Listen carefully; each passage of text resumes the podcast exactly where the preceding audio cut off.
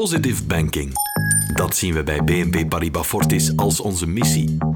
Dus ook jouw leven makkelijker maken. Maar waarmee kunnen we concreet helpen? Om dat in kaart te brengen, hebben we ons oor te luisteren gelegd bij meer dan duizend Belgen. Wat zijn de grootste vragen over geldzaken? En wat de grootste bezorgdheden? Dat weten we nu.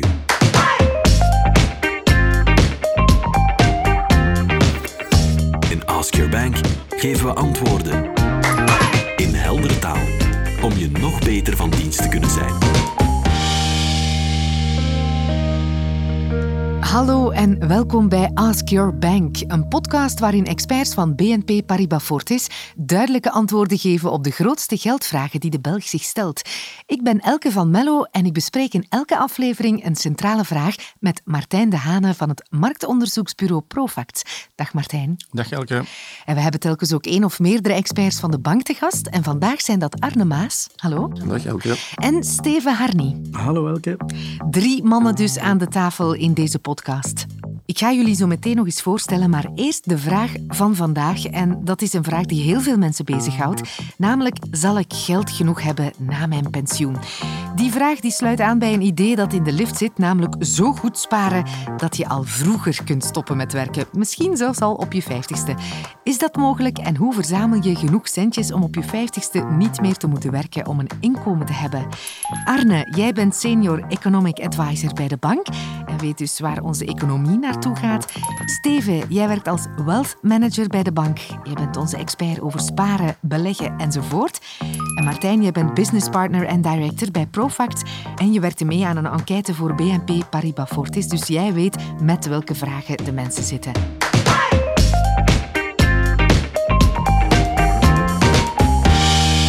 Martijn, ik ga bij jou beginnen. Je hebt in opdracht van BNP Paribas Fortis de enquête georganiseerd over de belangrijkste geldvragen van de Belg na corona.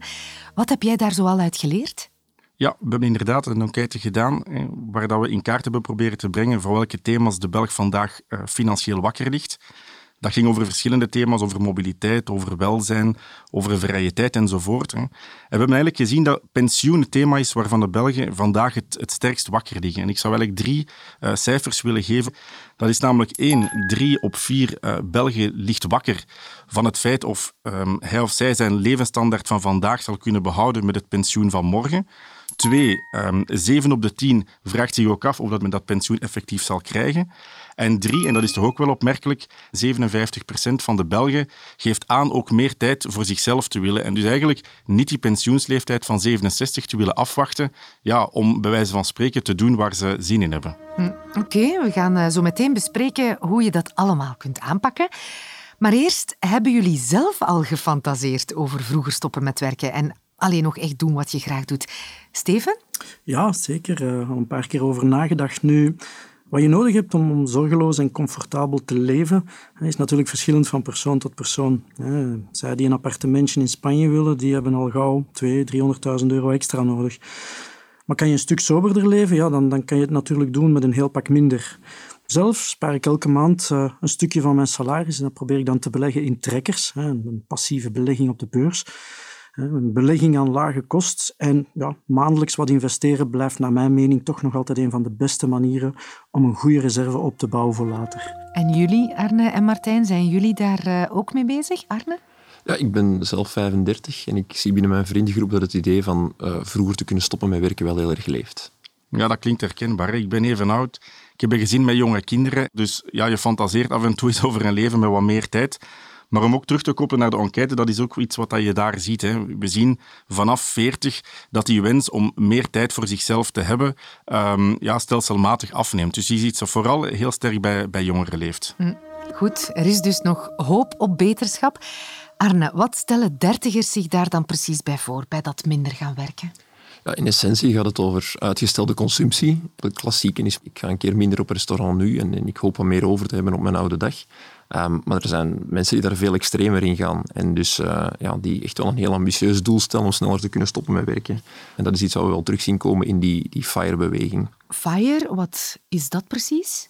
Dat staat voor Financial Independence Retire Early. En dus het idee is om zo snel mogelijk financieel onafhankelijk te zijn en enkel nog datgene te doen wat je echt graag wil doen.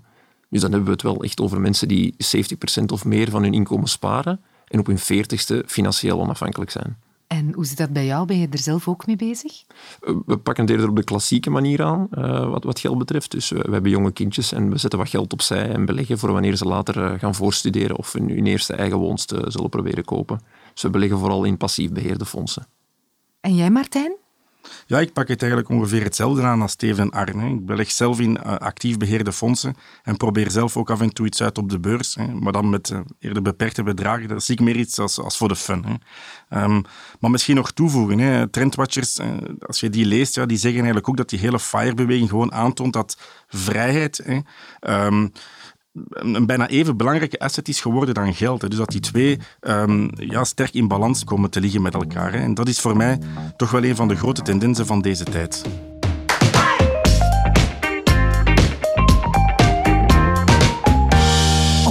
Denk dat we al meer weten over wensen en verlangens van de Belg op het gebied van geld en vrije tijd. Maar ik wil ook nog even ingaan op de vragen en onzekerheden die Martijn signaleerde op basis van die enquête. Arne, misschien even met die bezorgdheid over de haalbaarheid van de pensioenen beginnen. Wat denk jij daar precies over? Ja, alle begrip voor mensen die uh, kritisch zijn voor de betaalbaarheid van ons pensioenstelsel op lange termijn. Uh, die vergrijzingsgolf die, die is er en die, die zal nog wel versnellen. En COVID ligt natuurlijk extra druk op de regeringsuitgaven. En ja, dat moet natuurlijk wel ergens worden gecompenseerd. En daarvoor is het, en dat is misschien een beetje paradoxaal in het gegeven, juist extra belangrijk om mensen langer aan het werk te houden. Um, dat gaat onvermijdelijk zijn om de pensioenen betaalbaar te houden. Natuurlijk, uh, als individu uh, reden genoeg om zelf extra reserves aan te leggen, ook al is het voor u oké om pas op uw 67 of, of, zelfs later op pensioen te gaan. Ja, en Steven, dan kijk ik even naar jou, want hoe doe je dat dan precies? Zo'n voldoende grote reserve aanleggen voor later? Vroeger was het natuurlijk een stuk simpeler dan vandaag. Je had uh, risicovrije beleggingen met een mooie rente. Maar vandaag zie je al gauw dat de rente hè, op uh, vastrentende producten zoals obligaties of spaarboekjes heel uh, dicht tegen de nul aanleunen. En als je dan kijkt naar de inflatie, hè, die toch de laatste tijd aan het stijgen is, dan, dan wordt je geld zelf minder waard. Dus om je geld vandaag te laten groeien, ga je dus wel een stuk in aandelen moeten beleggen. Het nadeel natuurlijk van aandelen is dat het geen exacte wetenschap is en dat je niet op voorhand weet wat het rendement van je belegging zal zijn. Um, en er zullen misschien zelfs jaren bij zijn uh, dat je een verlies realiseert. Hm. Martijn, kan je daar nog iets aan toevoegen? Ja, ik zou daar graag nog twee dingen aan toevoegen. Hè. Omdat je ziet dat er binnen de bevolking wel een en ander begint te leven ten opzichte van beleggingen. Hè. Eén, um, het idee dat je met lange termijn beleggingen een hoger rendement haalt dan met gewoon je geld op een spaarboekje te laten staan, dat begint meer en meer toch ingang te vinden. In het laatste beleggersonderzoek dat we bij Profax hebben gedaan, zien we dat eigenlijk 85% van de mensen dat ook aangeeft. Van kijk, um, beleggen uh, is, is beter voor mijn rendement dan, uh, dan het, het louter zetten van geld op een spaarboekje. Een tweede element is dat mensen ook meer en meer beginnen te beseffen dat ze eigenlijk um, niet heel veel geld hoeven te hebben om te beginnen beleggen. Dat je daar geen groot vermogen voor hoeft te hebben of heel rijk voor hoeft te zijn. Hè.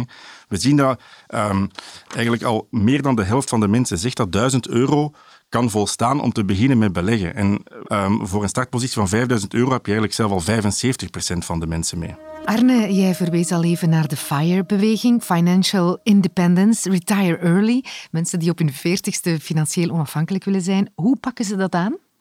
Ja, dat is natuurlijk vrij extreem. Toch met een gemiddeld loon en een normaal bestedingspatroon. Dus uh, laat ons daar nu even een, een, aantal cijfers op plakken om dat wat concreter te maken. Um, het gaat er dus over mensen die tot 70% van hun loon sparen. De vuistregel die zij hanteren is dat je eigenlijk 25 keer je jaarlijkse kosten en uitgaven moet opzij hebben staan om financieel onafhankelijk te zijn. Eens je dat bedrag hebt, kan je daar dan 4% per jaar van opnemen en daarvan gaan leven. En dus ze gaan er dan vanuit dat je een spaarbuffer aanlegt en dat je belegt wat je kan missen gedurende je leven, dat je aan het werk bent, met gemiddeld 5%, om uiteindelijk tot dat bedrag te komen. Nu natuurlijk, je kan die 5% rendement niet loszien van een periode waarin de beurzen, ondanks enkele dips, in het recente verleden toch hele mooie rendementen hebben neergezet. Kijk even naar Steven. Lijkt jou dat haalbaar? Een heel leven 5% realiseren met beleggingen? Om dat elk jaar risicoloos te gaan halen, 5% op je beleggingen, dat is natuurlijk niet zo evident. Hè. We hebben gezien, risicoloos beleggen hè, leunt uh, vrij kort tegen de 0% aan. Dus het is duidelijk dat je een stuk in aandelen gaat moeten beleggen. En dan neemt onzekerheid natuurlijk voor een stuk toe.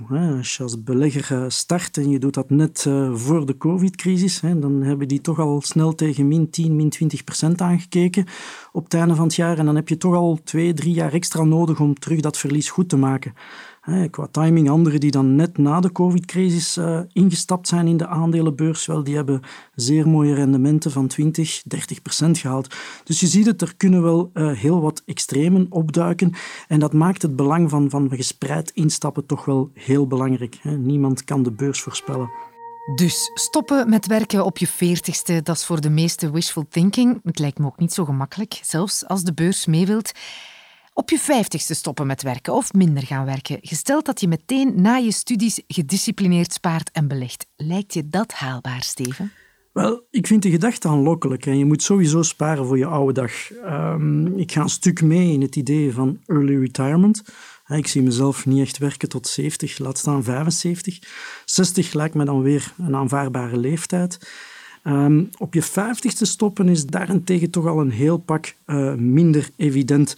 Wil je dat doen, dan uh, ja, moet je bijna geen kinderen hebben of geen eigen huis. En ook al niet te veel reizen en, en veel, veel te veel op restaurant gaan. Dus, en als je kijkt naar de trend in België, het blijft toch nog altijd een beetje huisje, tuintje, boompje. Nu, je kan wel rond je 25ste beginnen met sparen en beleggen. Tuurlijk, op je 25ste zal je loon nog niet op het hoogste niveau staan en word je natuurlijk ook dagelijks nog met een heel pak kosten geconfronteerd. Wat dat wel positief is, we zien in enquêtes wel en, in de realiteit dat ja, veel jongeren tijdens COVID zijn beginnen met beleggen. Dat is een heel positieve trend. Ik zou zeggen, hoe vroeger je eraan begint, hoe beter. Hè. En zeker omwille van het feit dat, hè, uh, dat je met de samengestelde interest zit, hè, de dividenden die jaarlijks uitbetaald worden. En langs de andere kant, um, hoe langer je beleggingshorizon ook is, hoe meer dat je het risico van je portefeuille gaat afvlakken. De volatiliteit gaat er een beetje uit, zoals men dat zegt. En vergeet ook niet, een heel belangrijke factor is ja, meerwaarde op aandelen in België zijn nog altijd vrijgesteld van belastingen.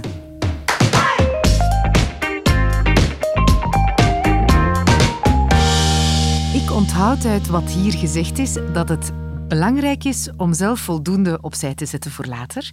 En dat je daar ook beter vroeg aan begint. Ik kijk nog even naar jullie heren. Wat zijn voor jullie nog de belangrijkste tips en inzichten? Uh, Steven?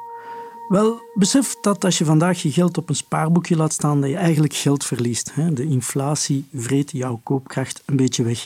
Dus het is verstandig om je geld, dat je niet nodig hebt, op een uh, mooie, regelmatige uh, manier te gaan beleggen in een goed gespreide aandelenportefeuille. En durf vooral te kopen bij correcties. En ik zou zeggen, kijk ook eens voor je kinderen in plaats van het klassieke spaarboekje, om uh, dat eventueel te gaan vervangen door een goed gespreide aandelenportefeuille. -hmm. Oké, okay, Martijn? Ja, als ik hier zo naar die twee heren luister, is voor mij de belangrijkste conclusie dat je er zo vroeg mogelijk aan, uh, aan moet beginnen. Eigenlijk van zodra dat je er um, ja, al een beperkte financiële ruimte voor hebt, hè, omdat je dan kan profiteren van die lange termijnshorizon. Hm, en Arne? Ik denk dat het voor veel mensen waardevol kan zijn om sneller dan in het wettelijk pensioenstelsel voorzien al, al financieel onafhankelijk te kunnen zijn. Um, misschien niet zozeer om helemaal te stoppen met werken, maar letterlijk om je vrijheid te kopen. Om zelf de voorwaarden te kunnen bepalen waaronder je bereid bent te werken. En dat zelf kunnen kiezen wat je met je tijd doet, misschien is dat wel het, het hoogste goed. Oké, Steven, Martijn en Arne, dat was zeer duidelijk, zeer helder ook allemaal. Ik wil jullie erg bedanken voor jullie komst naar de studio. Graag gedaan. Graag gedaan. En jij bedankt, luisteraar, om te luisteren en graag tot een volgende aflevering. Was aflevering 1 van Ask Your Bank. Vond je deze podcast interessant? Abonneer je dan via je favoriete podcastspeler. Binnen twee weken zijn we er terug met aflevering 2. De inhoud van deze podcast is waar op het moment van opname en kan door veranderende omstandigheden in de tijd evolueren. Ga daarom altijd te raad bij uw adviseur vooraleer u financiële beslissingen neemt.